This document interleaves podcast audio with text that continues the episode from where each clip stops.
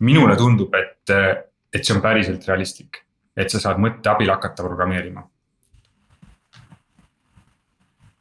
vot. vot võib-olla see võiks täitsa olla jätkuepisood kuidas, kuidas, kuidas mõtte abil programmeerida, Kristjan teeb kiiresti poki valmis ja, ja siis me saame sellest. ma olen äh, ühel TEDx Tartul teinud äh, mõtte abil äh, mingi graafiliste asjade kontrollimist, päris lõbus oli.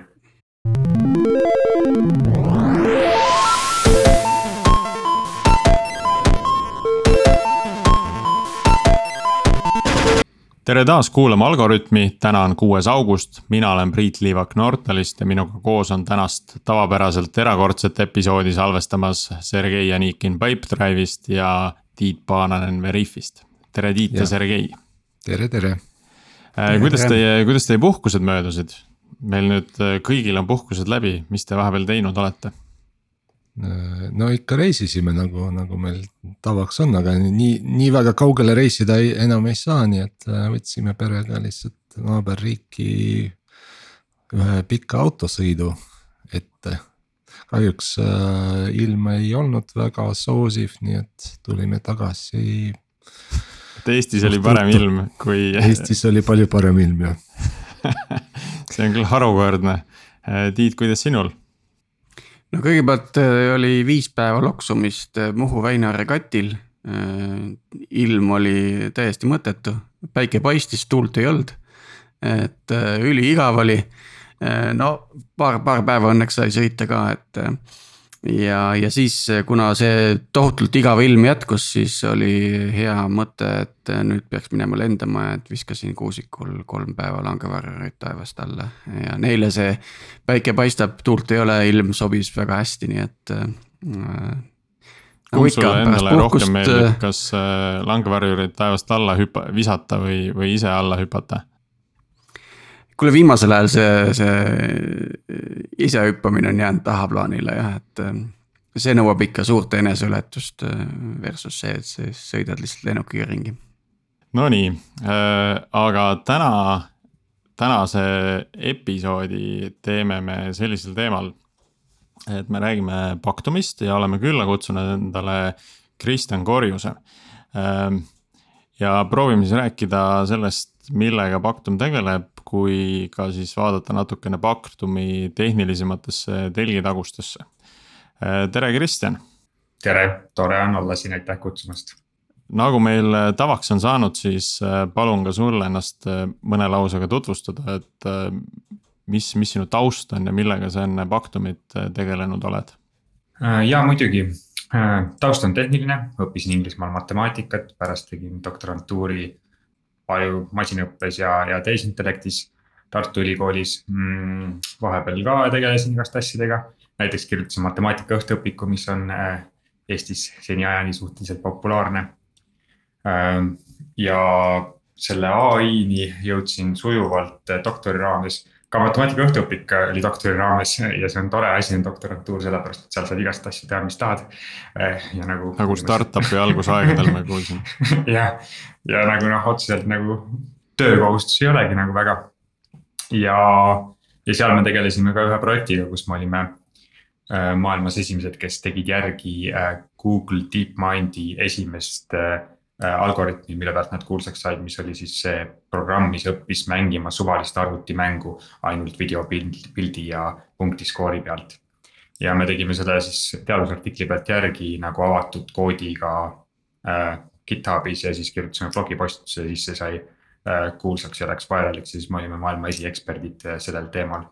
ja siis äh, noh, meie karjäär läks sealt edasi lihtsamini ja lennukamalt üks läks, üks läks näiteks OpenAI-sse Elon Musk'i juurde tööle ja, ja, ja mina läksin Londonisse ja. ja siis, siis sealt tuli edasi pärast Londonit. Äh, kuhu ma selleks ajaks, ma olin Inglismaale selleks ajaks kolinud kolmas kord elus ja iga kord jäädavalt enda arust.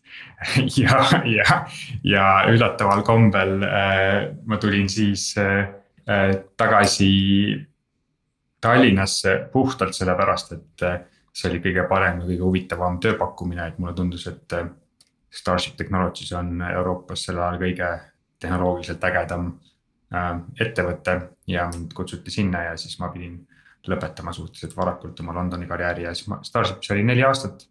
tegelesin siis roboti aju ja tarkvaraga. ja põhimõtteliselt eesmärk oli robot teha targaks turvaliseks, kiireks, efektiivseks, et ta ei sõidaks inimestele otsa ja, ja veel vähem auto alla. ja, ja seal oli siis algul programmeerisin, pärast juhtisin meeskonda, pärast juhtisin nelja meeskonda ja osakonda, ehk siis kogu tehisintellekt robotis oli äh, minu äh, vastutada. see oli selles mõttes suht stressirohke töö, et näiteks kui robotiga juhtus midagi linnas siis ma pidin iga nädal koosolekul raporteerima ja videosid näitama, mis jälle valesti läks ja miks ja miks enam ei juhtu see oli kindlasti väga-väga põnev aeg ja seejärel sa jõudsid, jõudsid kuidagi Baktumi juurde. ja äh, ega, ega staažipist äraminemine oli mu kõige elu kõige kurvem erialane otsus. seda ma ei tahtnud absoluutselt teha, aga kahjuks ma ei saanud ka seda mitte teha. Äh, ja tõesti, äh, Kaspar hakkas siis ära tulema, kes on mu vend e-residentsuse kohalt, mida ta viis aastat lõi ja juhtis ja siis me tegelesime paari ideega ja, ja siis äh, Martin Rand, kes on meie kolmas ka kaasasutaja, tema, tema ütles, et ah, meie ideed on täis jamad, et, et ta sel, sel ajal ta veel kohe ei öelnud, et tegelikult ta ütles seda sellepärast, et äh, talle endal oli üks idee, kuhu ta meid tahtis kaasata. Ja Martin oli siis, Martin Rand on äh, teinud varem startup'i Vital Fields ja müüs selle ära Monsantole äh,. ja siis pidi töötama kaks aastat Euroopas Climate Corporationis, mis on Monsanto Äh, digitaalne nagu alam, tütarettevõte. ja juhtis siis kogu commercial lead of Europe ehk siis kogu äritegevust Euroopas ja, ja täpsemalt siis kuues mees, kuues riigis olid tal suured meeskonnad, kes tegelesid ainult äriläbirääkimistega. Ja, ja, ja sealt siis hakkas idee tekkima, et, et, et seal on nagu päris mitmeid nagu potentsiaalseid probleeme. näiteks inimesed ei ole tihti ette valmistunud läbirääkimisteks. vahel nad ei ole head läbirääkijad, vahel nad on head läbirääkijad, aga nad läbi räägivad lepingut vales suunas. sest nad ei tea, mis on ettevõttele tegelikult hea. Äh, vahel nad äh, kasutavad ära oma äh, võimu. Seda Martin küll kordagi ei öelnud, aga, aga, aga seal on ka tegelikult probleemid mingile korruptsioonile asjadele, sest sul on seal nagu lihtsam mingit lepingut kellelegi anda ja ja noh, lisaks on siis inimesed kallid ja, ja limiteeritud ja, ja, ja, ja oma nagu kiiruse ja erinevates olukordades õigesti käitumisega. ja tundus, et seal, et sealt tekkis siis visioon, et see peab olema nagu võimalik tehnoloogiaga seda paremaks teha.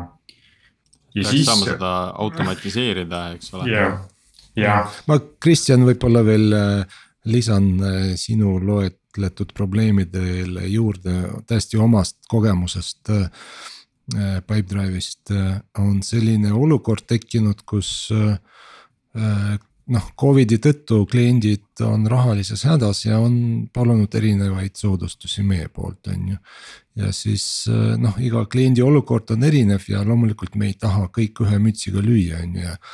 ja ma saan aru, et, et teie lahendus tegelikult äh, Äh, pakubki sellist äh, mitmeastmelist lähenemist äh, läbirääkimistele, kus noh, sa mõt-, ühesõnaga otsite kõige parimat lahendust nii kliendi kui ka ettevõtte jaoks just nende läbirääkimiste käigus. jah, jah, see on väga hea kokkuvõte tõesti, et seal on tõesti mitmeid huvitavaid aspekte, esiteks see, et sa leiad parimat kombinatsiooni nendest võimalikest, mis mõlemale poole hea on aga see olukorra teeb keerulisemaks, et mitte kumbki pool ei taha täielikku tõde välja öelda. näiteks sa võid mõelda, et nagu tegelikult sul on parem saada sellelt kliendilt ka kakskümmend protsenti raha, kui, kui teda ära kaotada. Aga sa ei ütle talle seda ja samamoodi, kui sa kuskile näiteks tööle lähed, võib-olla see töökoht on nii äge, et sa oleks nõus ka seal töötama peaaegu tasuta aga sa ei ütle seda elu sees tööandjale nagu, et oh, esimese asjana, et oh kuule tegelikult, ma ei tea, anna viis korda vähem raha nagu. et sa, sa ei ütle oma tõelist informatsiooni, sest see, sa, sa kaotad niimoodi väärtust. ja siis see on selle vahel laveerimine, et sa ei saa kogu oma infot ära öelda. aga samas sa tahad nagu natuke teisele poole öelda, et sa pigem eelistad seda kui seda ja kas me saaks vahetada seda selle vastu ja, ja, ja siis sa jõuad nagu niimoodi äh, sihukese dialoogi abil Äh, siis selle lepinguni, mis on siis hea mõlemale poolele. nii palju, kui mina aru saan, on, on ettevõtetel väga palju lepinguid, millest väga suur osa nii-öelda on pigem sellised pikemaajalised ja ja kui ettevõtte tingimused mingis mõttes muutuvad, siis on nagu ei ole mingisugust võimalust tagada seda, et kogu see lepingute ports nagu seda tingimusi toetab või, või nagu ärimudeli või turuga samas suunas liigub, on ju. et siis ühel hetkel äh, no see on põhimõtteliselt suurte firmade mure, eks ju. Äh, ühel hetkel siis äh, tuleb neid lepinguid hakata nagu ringi läbi rääkima ja kuna mass on väga suur nii supplier ite kui ka ettevõtetes lepingud omavate isikute koha pealt, siis, siis siin on nagu koht, kus äh, seda läbi, läbirääkimisprotsessi saab fassiliteerida Pactumi laadne ettevõte, jah kas mul on. suurepärane, suurepärane. nii ja tõenäoliselt Pactum ei fassiliteeri seda siis ju äh, pakkudes inimtööjõudu, vaid just, et mm. pakkudes tarkvaralahendust, mis selle, sellega hästi hakkama saab ja me teeme seda täiesti automaatselt ja see on kindlasti tähtis nii kiiruse, standardiseerituse kui ka tegelikult võib-olla kvaliteedi suhtes ma, ma ei, ma ei ole kindel, kas Tiidu selgitus läbis seda vanaema testi, et äh, vanaemale ma võib-olla ütleks, et kui sa lähed Riimi poodi. Äh, siis sa saad need vaata allahindlused äh, sulle isiklikult, isikliku, isiklikud pakkumised on ju aga ma olen täiesti kindel, et need on staatilised pakkumised mingisuguse inimese poolt äh, välja mõeldud, et näed. et selline toode saab viisteist protsenti discount'i ja kõik saavad need viisteist protsenti discount'i, juhul kui nad on seda varem ostnud, noh, oletame on ju, et selline tingimus kuskil programmis on sisse kirjutatud. ja nüüd Pactum äh,, nii palju, kui ma olen aru saanud, muudab seda dünaamiliseks, et just see inimene äh, just sellel hetkel on võimeline saada kas võib-olla kümme protsenti maksimum, kui, äh, kui tal on maksevõimeline. või kuni viiskümmend protsenti, kui ta, ta on vähem maksevõimeline, noh midagi sellist on ju, et, et. et ühesõnaga seda. võib-olla ma räägin ise edasi sellepärast et ma arvan, et see on natuke liiga kitsendav, sest see on sihukene müük ja seal on ainult üksikud tingimused. et see kogu võlu peitub ikkagi selles, kui neid lepingutingimusi on väga palju Äh, aga enne kui ma räägin sellest veel täpsemalt paari kohaga ära, et kuidas siis lugu edasi läks, et me saime nagu. siis me hakkasime koos visiooni vaatama ja turgu ja siis avastasime siukseid asju, et mõtlesime, et tegelikult kogu maailma raha liigub läbi lepingutega, enamus läbi, suurte e-, e-, ettevõtete. siis me leidsime sihukese uurimuse, mis ütles et, et kaheksakümmend protsenti lepinguid kahe ettevõtte vahel on mitteoptimaalsed tähendab, et natukene parameetreid muutes lepingul on võimalik see teha paremaks mõlemale poolele ja siis teised uuringud ütlesid et, et seitseteist kuni nelikümmend protsenti väärtust läheb kaotsi kokku keskmiselt lepingute peale. mida võib peaaegu mõelda nagu planetaarse taseme GDP kaotsi minekust, et need lepingud on eba, ebaefektiivsed. ja siis äh, me jõudsime äh, rohkem selle tooteni, et, et kuidas seda siis teha. ja, ja toode oli, me saime aru, et see peab olema mass, neid lepinguid. Need lepingud peavad olema standardiseeritud, et nad ei tohi olla teineteisest liiga erinevad ja, ja, ja kuna see on tehniline, tehniline podcast siin, siis ma räägin, räägiks korra seda, et kuidas me seda siis ikkagi tooteraamistikus teeme. me läheme kõigepealt kliendi juurde ja võtame nende selle standardlepingu, mida siis saadetakse kaheksakümnele protsendile väiksematele nende klientidele. näiteks kui sa oled mingi Walmart, siis on võib-olla sada tuhat ettevõtet, kellelt sa ostad kaupa, mida sa edasi müüd. kaheksakümmend tuhat neist on väiksed nende jaoks ja, ja need ja sa võtad, neil on siis standardleping, neile ei anta liiga palju võimu, nad ei saa seal igat lauset muuta või igat asja. aga nad saavad muuta ikkagi hunniku asju, näiteks hind, näiteks maksetähtaeg, näiteks kui kiiremini maksta, mis on siis lisadiskount. näiteks mingi lepingu pikkus, eksklusiivsus, poodide arv, äh, võib-olla ka mingid äh, kohtusse mineku riik kas meedias võib sellest rääkida, seal on mingi hunnik asju, ehk siis me parametriseerime lepingu, teeme lepingu siukselt, sa saad sellest äh, ma ei tea, kuidas eesti keeles on drop-down menüüst valida äh, või numbrit sisestades genereerida selle lepingu. kui meil on see tehtud, see on suhteliselt lihtne, sest tavaliselt on see leping neil olemas, ähm, siis meil on olemas lepingu template, ehk siis me saame genereerida lepingu. järgmisena me peame teadma, mis leping on meie kliendile hea. Äh, näiteks, kui palju on väärt see, et ma saan raha maksta äh, viisteist päeva hiljem. ehk siis see on see raha aja väärtus või siis cost of capital inglise keeles, et oleneb, kuidas pidi sellest mõtled. ja et kui väärtuslik on sulle hetkel raha. Äh, ja siis samamoodi igasugused muud asjad ja siis me küsime, et kas see asi on ühe partneri või ühe supplier'i äh, nagu spetsiifiline, et kas see on kõigile sama või seal on mingid kriteeriumid, mis muudavad selle erinevaks. ja siis kirjutame sihukese viiskümmend rida koodi, mis kirjeldab täpselt, et selle Barcelona supplier'i jaoks täpselt selliste parameetrite leping on meile väärt nii palju. Ja nüüd me teame, et kui ma näiteks muudan hinda viis, kaks protsenti väiksemaks, maksetähtaega viisteist päeva suuremaks, eksklusiivsust ühest aastast kahele ja lepingu pikkus kahest aastast ühele aastale. et kas see uus leping on nüüd parem või mitte. ja selle teadmine on siis nagu väga tähtis, sest muidu sa ei saa masinaga optimeerida millegi vastu, kui sa ei tea, mis asi on hea. et see on võib-olla sihukene kogu tehisintellekti baasasi, et sa pead teadma, mis on õige ja mis on hea siis igale sellele parameetrile tegelikult tekib mingisugune kaal, mingisugune väärtus iga sellele muutusele, olgu see siis ajaline, eks ole, et noh, mis see päev mm., üks päev maksab, eks ole, seal. ja, või ka näiteks see, et nad ütlevad, et nad tahavad äh, kodukal turundust saada kuuks ajaks, me teame, mis selle umbes äh, äh, nagu äh, hind on või me teame nagu igale asjale lõpuks siis väärtust ja ja, ja see ongi siis üks probleem, miks võib-olla inimesed on nagu, inimestel kogu selles ruumis terviklikult mõelda on väga raske. ja siis nad natuke nagu teevad seal läbirääkimisi, aga tegelikult nad ei vaata kõiki asju läbi ja nad ei suuda kõiki korraga mõelda, eriti kui see on sõltuv sellest, mis äh, äh, supplier'iga sa siis räägid. palju neid, palju neid parameetreid seal umbes on? ütleme see..., et meie praegusel viiel äh, asjal, mille, viie kliendiga, kellega me oleme asju teinud, on ütleme kolm kuni kümme olnud okay,. aga see ei ole väga on, suur hulk, et. pigem on need pilootprojektid, et reaalsuses on tegelikult neid rohkem, aga me ei pane kõike algul sisse, kui me alustame algul, paneme kõige tähtsamad.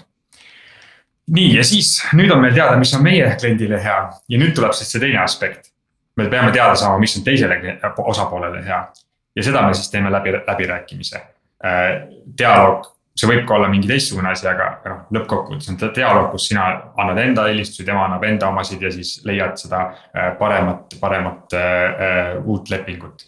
ja seda me teeme struktureeritud äh, sihukese vestlusroboti abil, ehk siis seal ei ole vaba teksti äh,. ei saa, meie robot ei genereeri vaba teksti, teine pool ei sisesta vaba teksti. et seal on erinevad siis elemendid, sa saad sisestada arve aeg-ajalt, äh, sa saad järjestada, sa saad valida, võrrelda, teha pakkumisi, vastupakkumisi ja nii edasi. ja see ja selles abil siis äh, tekib läbirääkimine. saame teada teise poole asju, mis, äh, mis sobivad ja jõuame siis ideaalis äh, uue lepinguni mis on mõlemale poolele parem, kui ta ei oleks mõlemale poolele parem, siis nad ei võtaks seda lihtsalt vastu seda uut lepingut ja meiega ei oleks nõus. nagu väga, väga põnev, et kui, kui palju need inimesed seal, kes selle vestlusrobotiga vestlevad, kui palju nad äh, lihtsalt nagu neid piire kompavad, et. Äh, et vestlusrobot pakub, et äh, olgu, et laseme selle hinna, ma ei tea, ühiku hinna nagu tonni peale, ma ütlen, et. ei, ei, tõstame selle kaheksakümne viie tuhande peale, noh, et, et täiesti nagu absurdi nagu keerata, et kas see robot nagu sellega, sellele ka kuidagi reageerib, ütleb, et kuule, et noh, võta nüüd aru pähe. jah, reageerib küll, üldiselt väga tihti igasuguste äh, tehisintellekti või üldse igast automatiseerimisrakenduste puhul on vastus see, et, et kõik need olukorrad on samasugused nagu inimeste vastusele tehes. kui sulle keegi Walmartist kirjutab, et kuule, räägime lepingut läbi, sa võid talle vastata, et noh, käi perse on ju. aga see, see, see, see tundub halb idee ja, ja ta võib sulle öelda, et ta, ma ei tea, langetaks hinda kaks protsenti, et nende asjade vastu, sa võid talle öelda, tegelikult tõstame tuhat viissada protsenti nagu. aga no see, see nagu, sa ei jõua niimoodi eh, parema ärini, nad on ikkagi äripartnerid, kes koos peavad võitma sellest nagu. et jah, sa saad seda teha, aga, aga ega meie süsteem ei võta mingit jama vastu nagu. samas ma saan eh, Priidus küsimusest hästi aru, et, et eh, inimeste sees ikkagi tekib võib-olla teine suhtumine, et kas ma räägin robotiga. ja ma kats-, et robotiga on palju lihtsam katsuda piire kui inimesega, ütleme nii noh, et emotsionaalselt. sa vist, võib-olla sa oled ka Äh, Starshipis ilmselt kohanud ka inimesi, kes, ma ei tea, patsutavad või lükkavad äh, roboteid, Starshipi roboteid, on ju. jah, aga, aga üks põhjus on seal see, et ega robot on ka palju vähem andestav. et kui see robot ütleb sulle, et okei okay,, et see on liiga out of reach, meie vestlus on läbi. siis sul ongi see vestlus läbi eluks ajaks sa, ta ei, ta ei võta, ta ei võta vastu uuesti, sa ei saa talle helistada, meil ei ole isegi customer support nuppu kuskil. Äh, et, et, et, et eks sa, sa kompad ka seda piiri vastupidi, et see tagajärg on ka karmim Äh, aga lähme jõuame lõppu ka veel ära, ma räägin siis nagu nüüd kogu toote lõpuni, et kuidas see siis asi välja näeb. meie äh, saadame siis välja meie kliendi alt emaili, et me pole ammu lepingut läbi rääkinud, tavaliselt viimane kord rääkisin nad läbi umbes kümme aastat tagasi, need on väiksed supplier'id, neil ei ole aega nendega tegeleda. kõik on ebaefektiivne, kõik on muutunud ja nii edasi. et pole ammu nagu läbi rääkinud, vaatame, äkki saame mõlema poole jaoks paremaks selle. siis kliki siia lingile, klikib lingile, siis ta saab seal vajutada seal nuppe, chat ida seal robotiga ja lõpuks jõutakse siis lepinguni, selle peale automaatselt genereeritakse leping, saadetakse DocuSigni digitaalselt allkirjastamisele, siis see allkirjastatakse äh, ja pärast seda kõik andmed, mis me kokku leppisime, lähevad automaatselt meie kliendi siis infosüsteemidesse. ehk siis tulemus on see, et sa tuled esmaspäeval tööle, vaatad, et eelmine nädal saadeti välja seitse tuhat viissada läbirääkimist, nendest viis tuhat nelisada jõudsid uue lepinguni. kõik lepingud on siin, kõik andmed on uuendatud ja sa teenisid kolmsada viiskümmend miljonit. Äh, ja sinu teine partner on ka õnnelikum, sellepärast et muidu ta poleks neid uusi lepinguid vastu võtnud. Äh, ja, ja see on siis see asi, kuidas me nagu äh, opereerime. Kristjan, ma, ma kohe nagu äh, seaks kahtluse alla, et kas see teine pool on ikka õnnelikum, kas te mõõdate seda ka või, või te eeldate, et kui ta on allkirjastanud, eh, siis ta on õnnelikum, sest. Eh, noh, olgem ausad, kui sa Walmartile müüd asju, siis sa oled õnnelik igasuguse lepingu puhul on ju, et, et mitte ilmtingimata sa ei arva, et see uus on nüüd parem kui eelmine tead, ma arvan, et üld, üldiselt ma tõesti ei saa seda öelda, et see oleneb nagu use case'ist, oleneb sellest konkreetsest asjast, mida me selle tehnoloogiaga teeme, aga antud juhul me pole läinud tehnoloogiaga sinna, kus me ütleme, et alternatiiv on see, et sinu eelmine leping tühistatakse. et praegu me oleme ainult teinud olukordi, kus kas sul jääb eelmine või sa saad uue. ja siis, kui nad saavad uue, siis nad ei pea seda allkirjastama, nad võivad lihtsalt allkirja mitte panna. ja siis nad üldjuhul on selle rahulikumad, et, et me oleme praegu teinud siukseid asju, aga tõesti ei ole võimalik, et. et me saame ka karmimad olukordi, kus me peame lepingu lõpetama, kui me ei jõua kokkuleppeni. aga antud juhul meie viiest juhtumist pole ükski selline olnud um, igal juhul siis me, see oli aasta, aastaga tagasi, siis me tõstsime raha Eesti inglitelt äh, ja äh, läksime siis sellesama plaaniga, mis te nüüd täpselt kõik teate. sinna, et davai, teeks selle ära nagu, et hakkame katsetama, et, et siis ma tulen ka Starshipist ära ja. ja noh, et proovime ja loomulikult on siis seal palju agasid. Äh, et noh, osad seal ütlesid, et noh, see on ikka täis rumalus, et see, see ei toimi elu sees ja ise me ka päris kindlad ei olnud selles ja siis me läksime, hakkasime Eesti ettevõtetega seda katsetama ja siis juba kolme-nelja kuu pärast oli, tegime esimesi automaatseid läbirääkimisi. ja tuli välja, et toimis, saime hakkama, tegime lepinguid, tegime neid paremini, kui nemad ise olid teinud eelmistel aastatel. teisele poolele meeldis äh, ja teine pool isegi vastas küsimustele, et kas sooviks järgmine aasta teha uuesti inimese kui roboti vastu üle. üle kaheksakümne protsendi kordadest vastati, et roboti vastu ehk siis nagu väikeste asjadega toimis, teenisime väärtust mõlemale poolele ja, ja, ja. ja nii edasi ja siis noh, siis tuli välja, et tegelikult on ka turg olemas, siis me saime aru, et tegelikult meie kliendid peavad suuremad olema, nüüd me otsime kliente, kelle käive oleks vähemalt miljard. Ähm, ja siis äh, täiesti juhuslikult äh, Viljandis Cleveroni äh, kontoris sattusime Walmarti nagu kõige tippjuhtkonnaga, kõik inimesed peale CEO ehk siis päris juhiga, seal oli mitmeid inimesi. täitsa juhuslikult, eks ole. täitsa juhuslikult, nad lendasid Euroopas ringi oma eralennukiga kohast kohta. ja mis te olite, käisite Viljandi folgil või? ei, me status sõitsime sinna ja tagasi. ja siis tuligi välja, et pool aastat hiljem, see oli septembris umbes, et pool aastat hiljem, jaanuariks oli meil leping allkirjastatud, et teha pilooti ja siis tuli juba loomulikult meedia, siis tuli meil uusi kliente ja, ja siis nüüd meil on, oleme veel juba, teeme läbirääkimisi, automaatseid läbirääkimisi juba ühe teise äh, maailma top viiesaja ettevõtte seas oleva ettevõttega. ja, ja huvi on veel mitmekümnest ja niimoodi ja siis tundus, et noh, asjad toimivad nagu ja siis nüüd me äh, eelmine kuu siis äh, kaasasime raha juurde nagu seed round'i nime all. ehk siis nagu nüüd siis rohkem, et mitte ainult uurida, kas üldse on see toode võimalik, vaid nagu siis päriselt seda edasi arendada ja võimsamalt edasi liikuda. üks asi on veel küsimata, kust tuleb raha tead, see on hea küsimus. Äh, ütleme, et äh, meie see esialgne visioon, mis me rääkisime, millega me iseennast ära petsime ja investoreid ja kliente ja nii edasi, mis oli see esimene visioon, mis tundus hästi toimivat ja algul toimiski oli see, et äh, me küsime oma kliendilt null raha. lihtsalt ja küsime raha ainult selle eest, kui me tõstame nende kasumit. ja sellest kasumist võtame X protsenti ehk siis see on nendele nullriskiga mäng, kui meie ei suuda paremaid lepinguid teha, siis ei ole ja me oleme nendega väga joondatud on meie väärtused ainult siis, kui me äh, teeme äh, lisakasumit. ja siis sellest võtame protsendi ja see esimestele Eesti ettevõtetele väga meeldis, sest nad nägid, et nad saavad meid siis usaldada, et me oleme samas paadis ja nii edasi.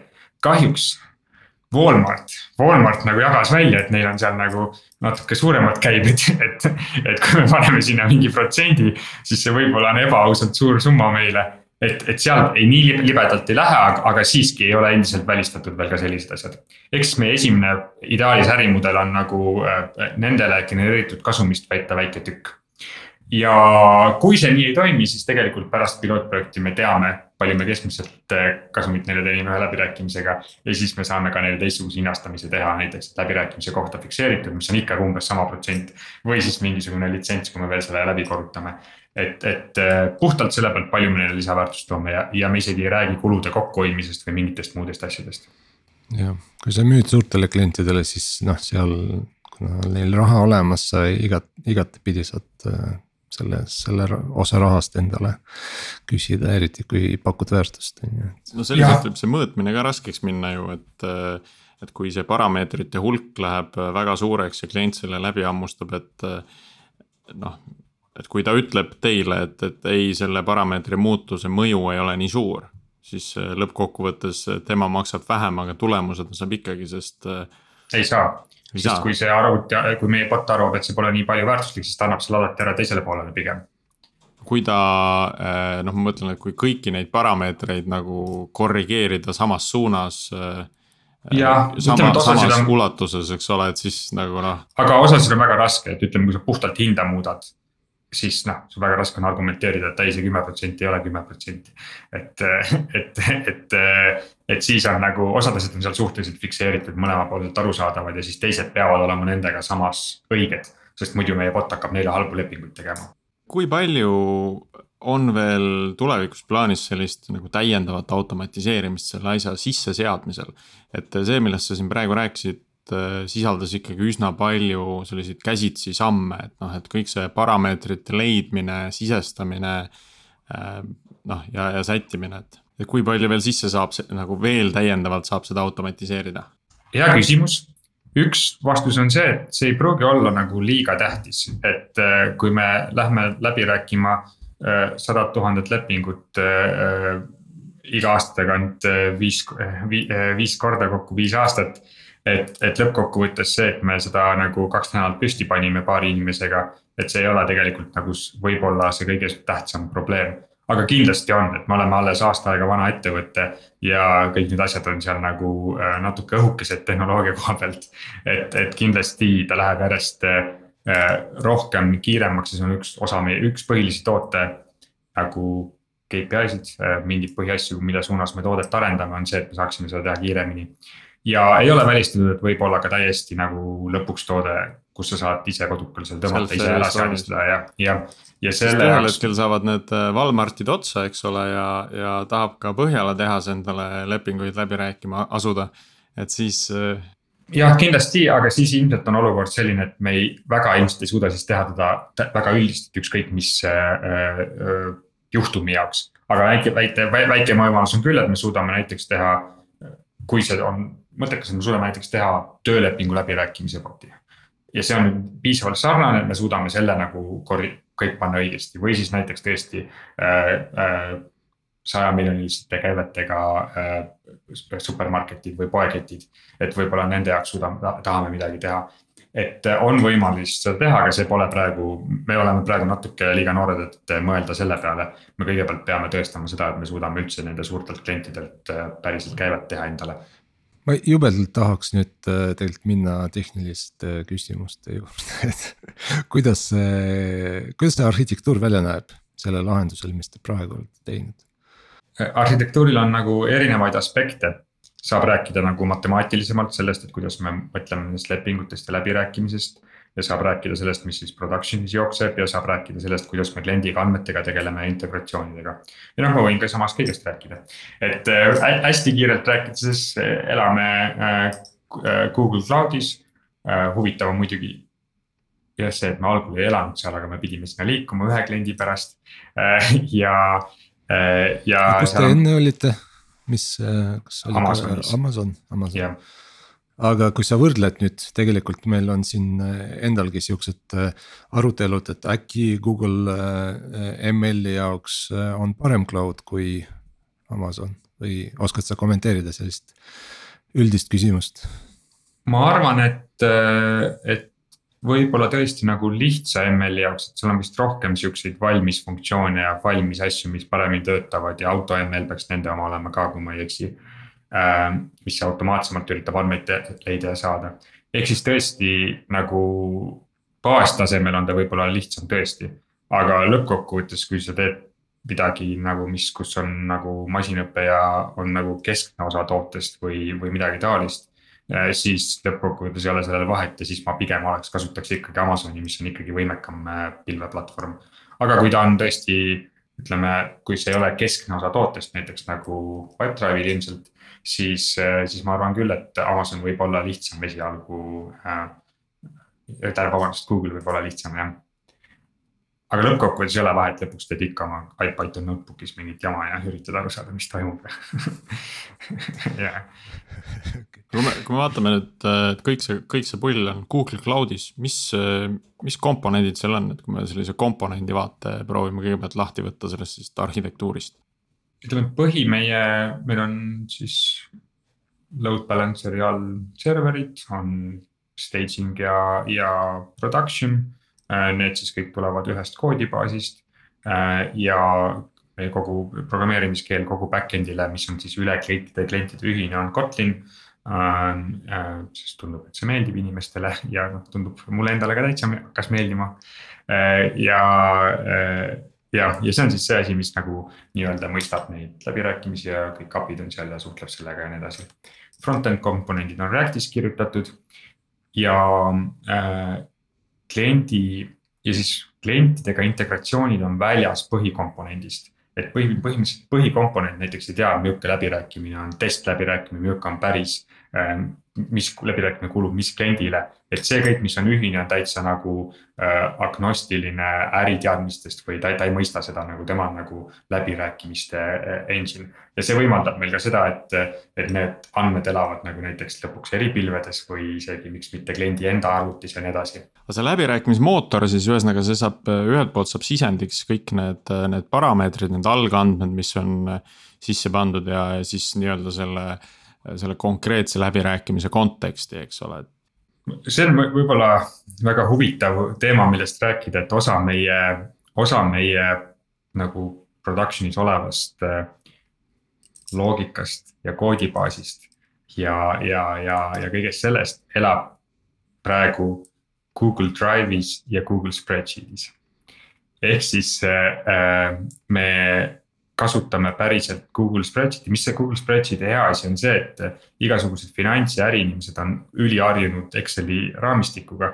ja teine asi oli see, et meie esimese arendaja palkasime jaanuarikuus alles, kui me olime juba laivis olnud kolme kliendiga. ehk siis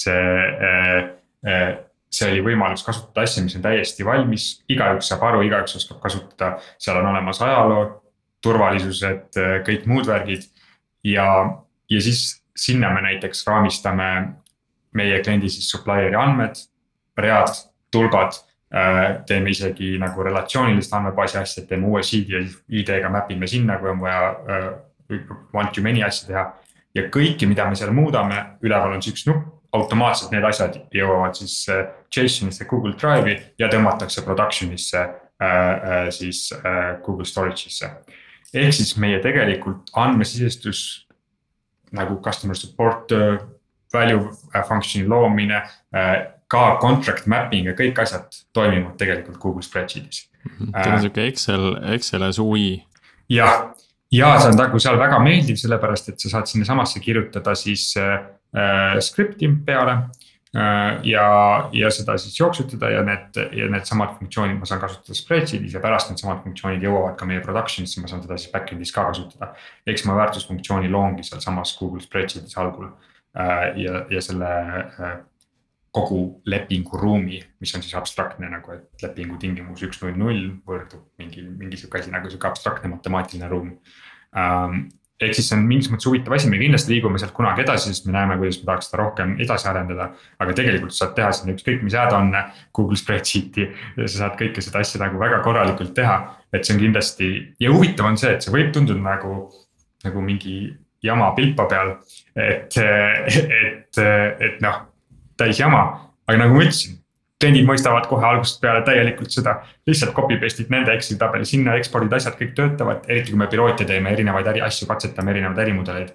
aga mis on veel selle juures hea, et me ei pidanud sinna arendust panema. me saime põhimõtteliselt testida äritoodet ja kõiki muid asju ja näiteks meie investorid nüüd, kes Berliinis Project A nemad olid sellest nagu sillas, oh lõpuks ometi üks startup, kes ei ole pannud aasta aega mingi lambi asjade arenduseks. Ja et, et, et on läinud nagu tegelenud siis äri ja tootega ja see, ja see mingis mõttes väga nagu lean lähenemine, et kui sa saad sellega hakkama, siis sa õpid oma päris toote kohta, päris klientide kohta. ja siis, kui sa hakkad natuke hiljem tegema seda päris asja, siis ta tuleb nagu natuke täpsem ja natuke õigem. et ta on väga nagu kooskõlas sellega, kuidas me üritame startup idest mõelda, et kõigepealt kliendid, siis toode, siis tehnoloogia see vist haakub äh, natuke eelmise saate teemaga low code või no code nii-öelda keskkonnad on ju, et põhimõtteliselt. Excel või see Google Spreadsheets ongi ultimate no code äh, keskkond, kus asju arendada, et. ja samas ta on piisavalt võimekas, et sa saad sinna sisuliselt JavaScripti taha kirjutada ja suvalise asja sisse integreerida ja see on ülilihtne, sa vajutad selle scripts, teed asja, tavalise JavaScripti funktsiooni kohaselt Excelis kasutada ja siis API-ga saan selle kätte enda back-end'i ka veel ja saan oma back-end'is ka kasutada. et on tõesti nagu üli-ülilihtne. Ähm. Äh, tiimi poolest sa mainisid, et äh, nüüd te jaanuaris värbasite esimese arendaja. kindlasti on kuskil ka mõned andmeteadlased, sa ise kirjutad Exceli funktsioone. palju teil rahvast kokku on, kümmekond inimest? praegu meid on ainult kaheksa ja äh, Äh, on siis nagu äh, Martin, CEO, kes tegeleb siis kogu ettevõtte juhtimisega ja, ja temal on äh, üks müük, üks müügiinimene Ameerikas. see on office manager, siis on tooteinimesi kolm tükki, kes tegelevad rohkem kliendiga ja sihukese toote mõtestamisega. ja siis koos minuga tehnilisi inimesi kolm tükki.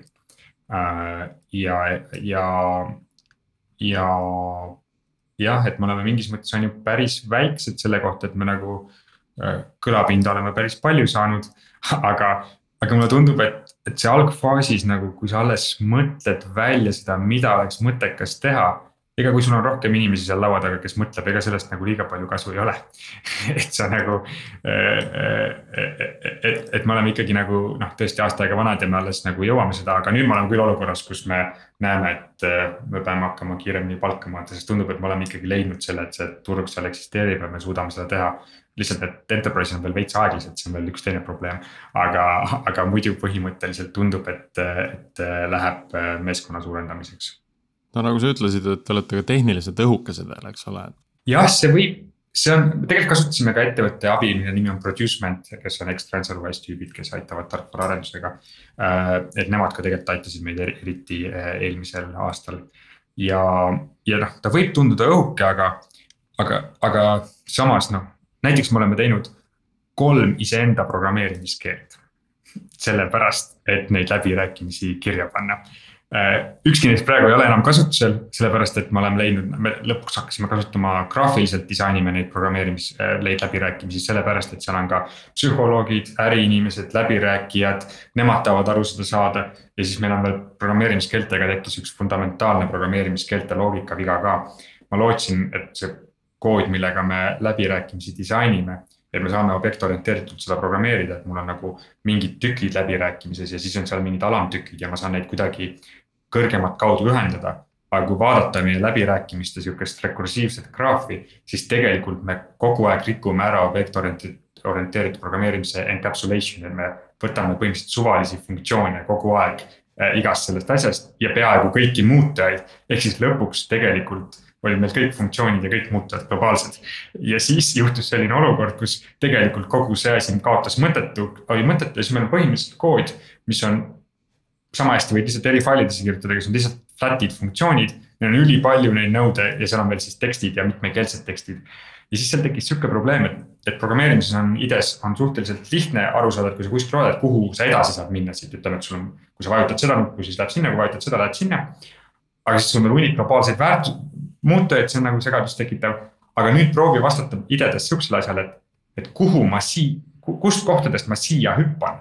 nagu teistest kohtadest, kust ma siia tulen, jah, dependency mm ja see koht läks kogu aeg nii keeruliseks, sest mingites nõudetesse me hüppame nagu viieteistkümnest kohast nagu. ja täpselt seda nagu aru saada siis, mis seal kõik toimib et siis me lõpuks nagu konverteerisime selle koodi tihti graafiliseks. siis mul oli tegelikult graafiliselt seda lihtsam muuta, siis ma hakkasin otsima, kus see koodis on.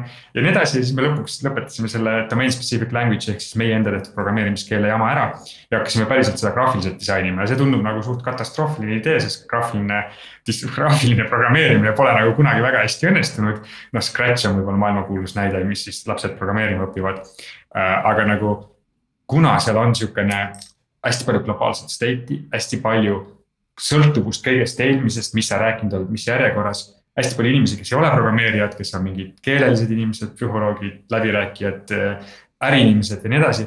ja siis lõppkokkuvõttes me kuidagi nagu liikusime alati tagasi sellesse ja see on siis nihuke nagu fundamentaalne nagu IP loomine või fundamentaalne asi, milles siis meie oleme ilmselt nüüd juba äh, maailma kõige paremad, et kuidas siukseid läbirääkimisi luua. ja ma ise käisin näiteks läbi nelikümmend chatbot'i tarkvara, et võtta midagi, mida kasutada selle jaoks. ja mitte ükski ei olnud neist kasulik, sest nad ei ole kuidagi sihukest globaalset, äh, globaalseid muutujaid omavad süsteemid, et tihti nad on see, et sa saad tavatekstist aru ja siis hüppad ühte puutükki ja siis räägid selle ära aga siis sa hüppad teise puutükki, aga tegelikult see kõik mõjutab teineteist.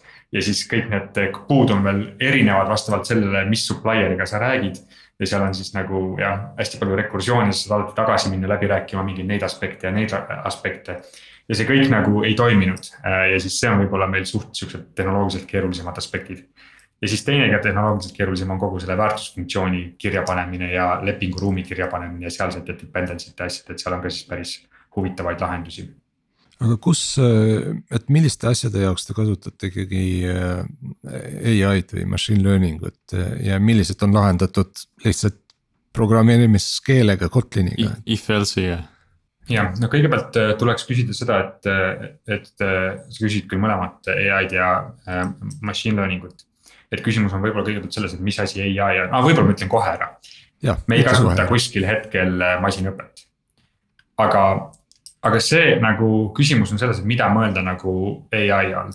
et näiteks me siiamaani kipume arvama, et Deep Blue, äh, kes võitis tuhat üheksasada üheksakümmend seitse Kasparovit males, et see on nagu ai. seal on null masinõpet, seal on, seal on null üldse andmetest õppimist. Äh, seal on põhimõtteliselt tavaline, tavaline mängupuu läbivaatamine ja siis parima käigu võtmine ja tänapäeval siis äh, nutitelefonis jooksev sama programm võidab maailma parimat inimest. enam ei ole vaja isegi custom hard äh, riistvara. ehk siis, aga me ikka kipume seda arvama, nagu see on nagu ai, kuigi seal on null masinõpet.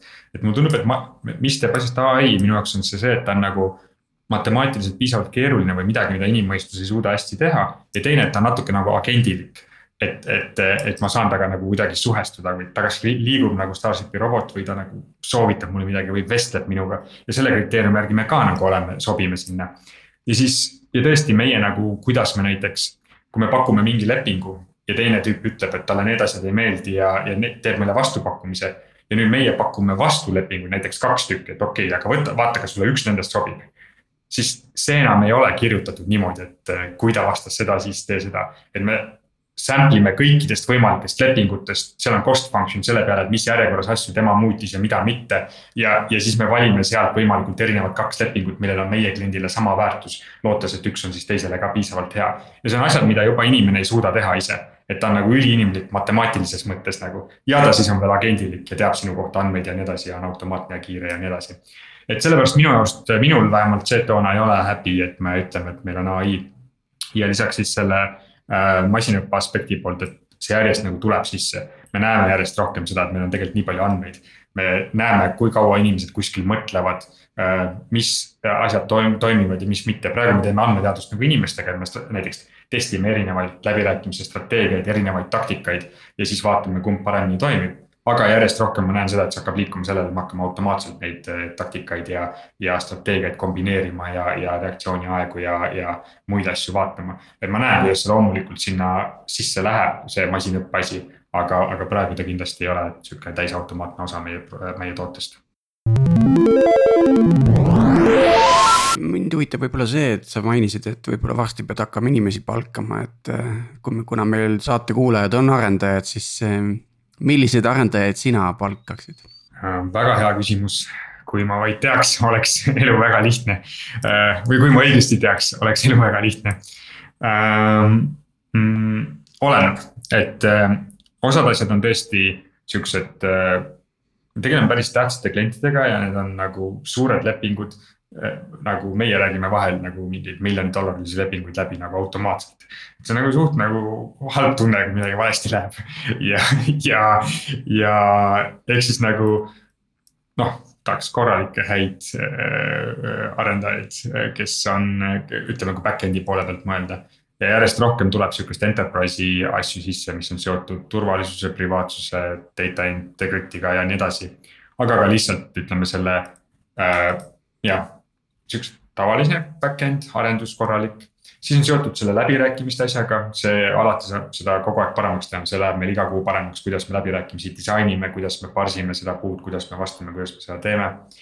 siis on seotud inimesed, kes on, mis on huvitav roll, mida ma, mis on siis selle läbirääkimiste graafilise disaini, disaintööriista tegemine ja see on väga huvitav, sest mul hakkan, olen hakanud järjest rohkem mõtlema, et kõige paremad inimesed, nendeks on need, kes on disaininud äh, idesid ehk siis programmeerimis. Integrated development environment'e, et äkki nemad on need inimesed, kes siis seda oskaks programmeerida. täiesti huvitav arvamus minu, minu meelest, miks sa arvad, et need kes on disaininud idesid, sobiksid hästi ka selle läbirääkimiste disainimisse disain, läbirääkimiste disainis tööriista tegemisse. sellepärast, et ta on programmeerimiskeel ja environment seda teha. et ta põhimõtteliselt, ma kirjutan sinna graafiliselt uh, for loop'i, while loop'i, if condition eid. et kogu see monstrum on nagu uh, koodijupp uh,, aga ta on koodijupp nagu keeruline sellepärast, et iga sammu pealt ma pean interakteeruma päris inimesega ehk siis seal on tugev keeleline aspekt. ja siis kogu see asi globaalselt moodustab ülitähtsa ärilise lepingu. aga ta on nagu ikkagi nagu, see on sihuke nagu kooditükk, sihukene graafiliselt kirja pandud.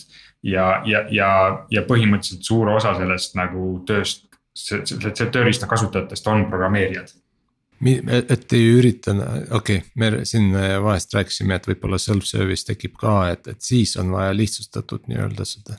jaa, kindlasti, aga siis, kui see self, self-service tekib, siis isegi pärast self-service'it me tahaks, et see läbirääkimine oleks väga hea seal taga.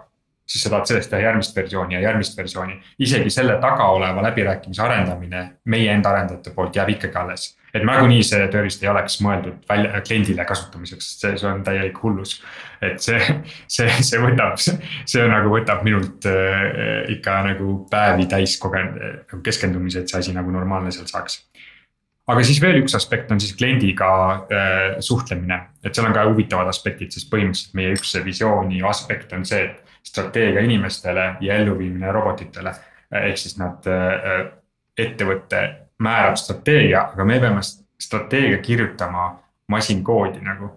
ja see on, see on asi, mis võiks nagu tunduda, et on nagu äriinimene ja mingid siuksed asjad nagu piisab, aga tegelikult ei piisa. et sa pead olema nagu väga matemaatiliselt, finantsiliselt programmeerimise mõttes täpne ja hea, et seda teha ja see on, seda üldse arvata, et see on võimatu, aga järjest rohkem oleme näinud, et see mitte ei ole võimatu, vaid et see on lihtne olla inimesest parem lihtsalt äh, sellepärast, et inimesed ka tegelikult ei, ei hooma seda, kui sa lähed, nad holistiliselt nagu jätavad mulje, nagu nad hoomavad seda strateegiat. ja kui sa lõpuks küsid, et kumb neist kahest lepingust siis on parem selle strateegia, strateegia jaoks siis tegelikult nad ütlevad suhteliselt random'ilt seda. Äh, aga, aga selle kirja panemine on ka sihuke huvitav arendustöö, et sa põhimõtteliselt kirjutad nagu, see on see põhi, võib-olla mingis mõttes põhi sihukene see singulaarsuse tüüpide idee, et, et see, et, et see tehisintellekti väärtused oleksid aligned ehk siis joondatud inimväärtustega. et kui sa talle paned mingi valemi natuke valesti, ta lihtsalt läheb, toodab sulle lepinguid, mis on täitsa nagu, nagu uhhuud. tal ei ole nagu sihukest nagu common sense'i seal taga nagu talupoja mõtlemist tal ei ole taga. aga kui, et sa selle kõik õigesti kirja paneksid, see on tegelikult vajab suhteliselt sihukest ranget, ranget mõtlemist. ja siis veel andmeintegratsioonid on... ja nii edasi, ühesõnaga, kui on huvi, siis igasuguseid inimesi läheb vaja kas teil on äh, sellesama teemaga, tegelikult mul tekkis kaks küsimust, üks on äh, eetika küsimus, et kas te olete omavahel rääkinud, et millist tüüpi ettevõtetega te näiteks ei ole nõus koostööd tegema? millistes valdkondades näiteks? ja ma arvan, et see küsimus on natuke liiga lihtne, et noh, ilmselgelt me ei saa mingeid asju teha ja see on peaaegu kõikidel ettevõtetel, aga meil on tõesti üks suur eetiline probleem. et, et kui me neid läbirääkimisi teeme ja ütleme, et klient palub näiteks meie bot'il valetada, kas me teeme seda või mitte? Ja mingis mõttes. kuidas see palumine välja näeb? no näiteks noh, ei, ma ei tea, seda juhtumit pole olnud, aga nagu see on väga realistlik, et näiteks ta võib oma inimläbirääkijatele öelda. Öelge nendele inimestele, et äh, kui te hinnas alla ei lase, ei langeta, siis me äh, lõpetame teiega lepingu, aga tegelikult ei lõpeta nii ja nad ütlevad inimestele. tegelikult, on kõik jumala hästi, aga mine ütle nagu kliendile, et meil on jube halb finantsseis on nagu. näiteks, või siis lihtsalt, et äh, sa oled, ma ei tea, hääletatud strateegiliselt maha, et sinu me võtame klientidest ära. et alusta niimoodi läbirääkimist, kuigi tegelikult me seda ei tee, lihtsalt valeta. meil pole sihukest asja juhtunud, aga see on täitsa nagu realistlik, on ju taktika Äh, mida inimesed võivad vabalt ellu viia äh, ja nii edasi. ja kui inimesed juba seda ellu viivad, no äkki siis nagu võiksime meie ka seda ellu viia. et noh, me põhimõtteliselt ju asendame lihtsalt inimesi. Ja tundub, et praegu ma olen jõudnud ettevõttega olukorda, kus me ütleme, et me ei ole nõus sihukest asja tegema. et see ja..., see ongi sisuliselt see koht, kus, kus, kui see klient seal teisel pool bot'i ütleb, et hei, tõstame selle summa kaheksakümne viie tuhande peale Äh, siis see bot ütleb, et kuule, võta nüüd aru pähe, paku mingi normaalsem number, et sul on kümme minutit või ma tõmban nagu juhtme seinast välja ja ütlen, et su leping on läbi ja kaputt on ju. kuigi tegelikult, et nagu bot'i jaoks, enda jaoks ei ole mõistlik seda lepingut ära lõpetada, sest. Äh, no, ütleme, et, ütleme, et kui ta päriselt teeks siis seda, et kümne minuti pärast enam rääkida ei saa. siis ma arvan, ma oleks praegu okei okay seda ütlema ja aga kui ta siis kümneteist minuti pärast ütleks, et kuule, aga tegelikult yeah, noh, proovime ikka teistmoodi veel. ja, ja päris läbirääkijad teevad seda, nad ütlevad, et kui me esmaspäevaks lepingut tehtud ei saa, siis leping jääb ära. Hui aga noh, tegelikult. siis nagu, tulevad teisipäeval tagasi ja ütlevad, et. jah, aga küsimus on, kas sa nagu võtad ettevõttena selle, et sa oled nõus seda lauset sinna panema nagu. ja, ja see, see ei ole nagu selge vastus, et kas see on nagu siis eetiline või mitte-eetiline, kui tegelikult läbirääkijad teevadki niimoodi ja nii edasi ja, ja siukseid nagu küsimusi seotud siis inimese võib-olla manipuleerimisega mingis mõttes, noh, mida siis inimesed ka kasutavad, et kuidas saavutada neid IT lepinguid. Et kindlasti selle pealt on meil huvitavaid eetilisi vaidlusi ja meil tulevad just suvepäevad nüüd, seal on isegi üks eh, osa koos peredele ja partneritele, me eh, lahkame mõndi, mõndasid neist eetilistest küsimustest, mis on väga põnevad. no varsti tõenäoliselt hakkab see bot iseendaga läbirääkimisi pidama, nii et jah, et täiesti võimalik, et esiteks meie kogu tehnoloogia on ehitatud nagu API first, et tegelikult see on juba praegu võimalik, sa ei pea läbi selle meie UX-i seda tegema, kui sa selle chat'i saad. Ja tegelikult on see veel sellepärast ka võimalik, et, et näiteks ainult Walmarti kõrval on saja miljoni dollarine äri, mis aitab supplier eid Walmartiga hakkama saada nagu. toetab neid seal turundamisel, toetab neil hakkama saamiseks et ma kujutan ette küll, et võib tulla ka sinna kõrvale startup, kes ütleb, et oh, kuule, mul on nüüd siin see toode ka, mis räägib selle kuradi Pactumiga läbi nagu mm. -hmm. no aga samamoodi võib ju tulla mõni nendest tarnijatest Pactumi kliendiks. Ja, aga siis, aga siis ei tule masin-masin läbirääkimisi, sest siis tema räägib enda äh, kümnete ja. tuhandete äh, supplier itega ja seda on juba juhtunud. seda on juba juhtunud et me räägime äh, ühe Walmarti supplier'iga, et kes peaks hakkama meile kliendiks. ja seda juhtus isegi Eestis. oma supplier'it. ja seda on isegi Eestis juhtunud, et ühe Eesti kliendi nagu siis supplier tahtis ka meid enda kliendiks, et Eesti ettevõtted on natuke väiksemad ja nende supplier'id on veel väiksemad, et see tegelikult jäi ära lihtsalt äh, suuruste tõttu võib-olla sihuke küsimus veel, et mis, mis meetrikad nagu ettevõtte tasemel on tähtsad, et see on alati sihuke huvitav, et mm. -hmm. me oleme ise Veriffis palju sellega tööd teinud, et saaks need meetrikad paika, nii et need, mis on kliendile tähtsad, oleks ka meile nii-öelda mm, näiteks, kui hästi meil läheb ja väga hea küsimus, viimased pool aastat ma olin äh, Starshipis andmeteaduse juht, head of data.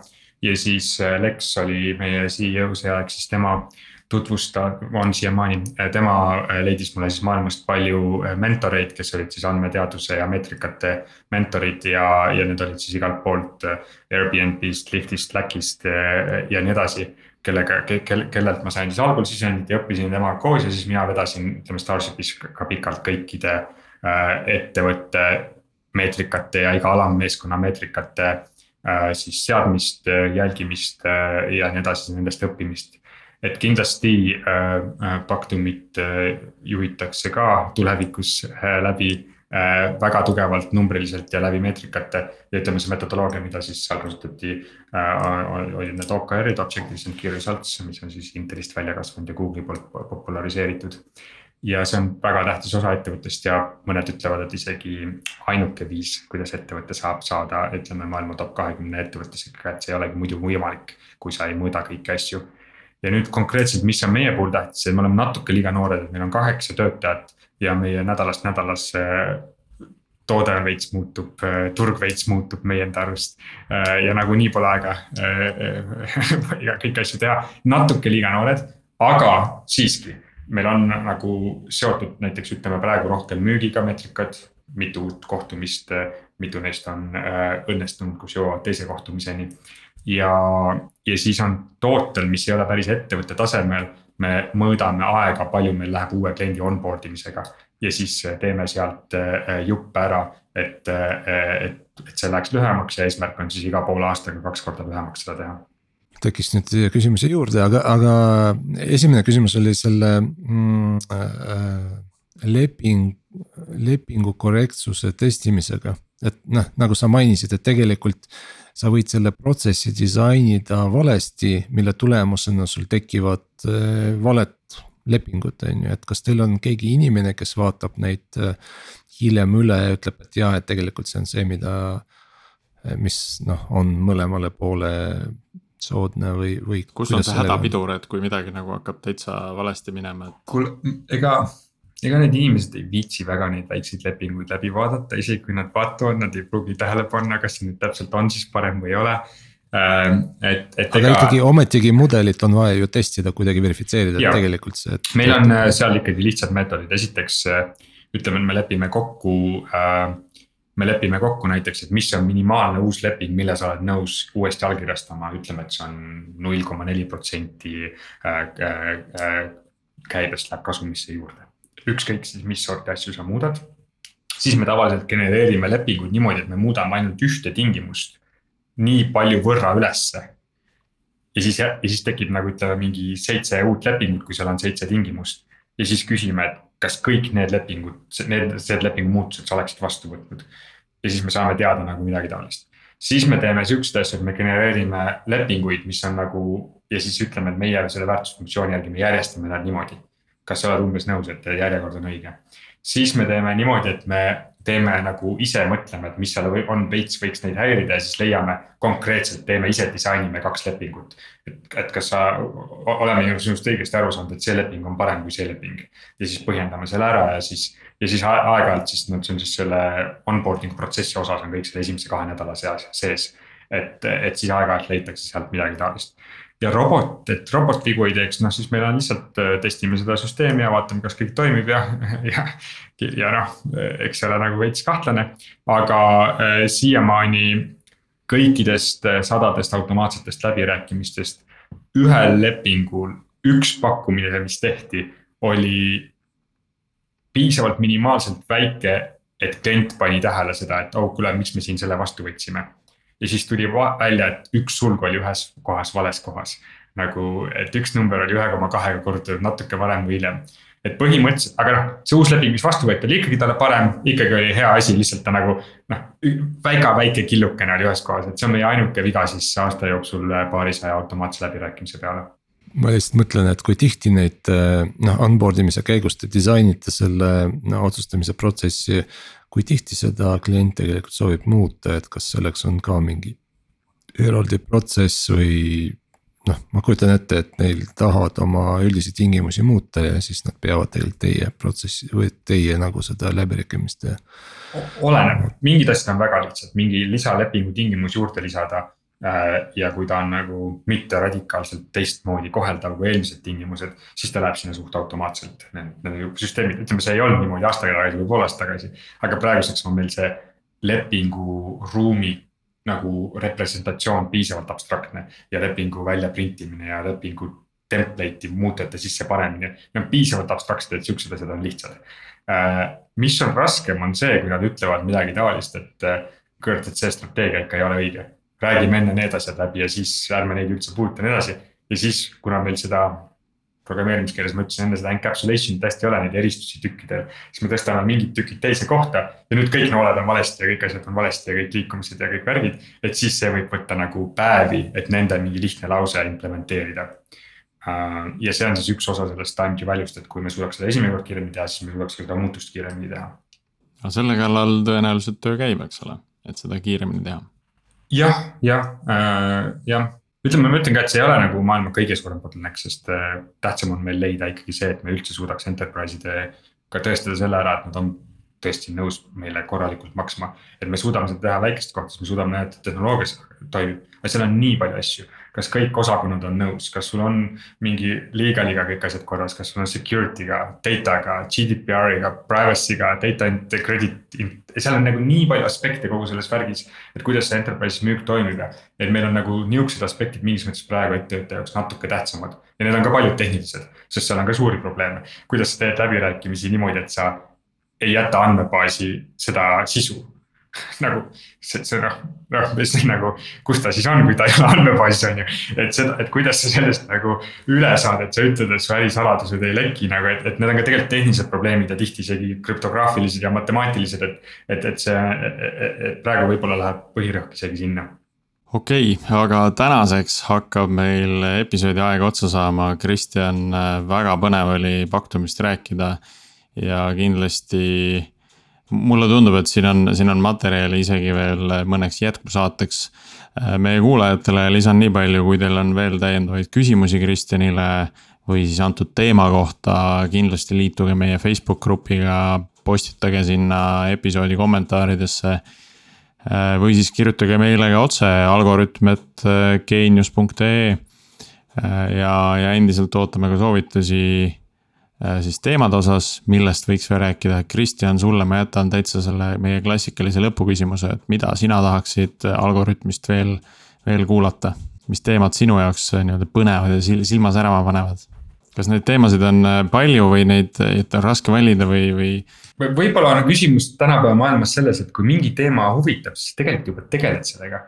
ei ole olemas võimalust, et, et seda informatsiooni ei ole Äh, et, et raske on nagu küsida, et mis on veel puudu. Ähm, aga võib-olla, tead see kõlab nüüd tehnoloogia asja jaoks väga nagu. pigem, pigem. nõmedalt, aga, aga, aga see ei ole tehnoloogiline, aga mulle tundub, et ikkagi üks, üks põhiline küsimus.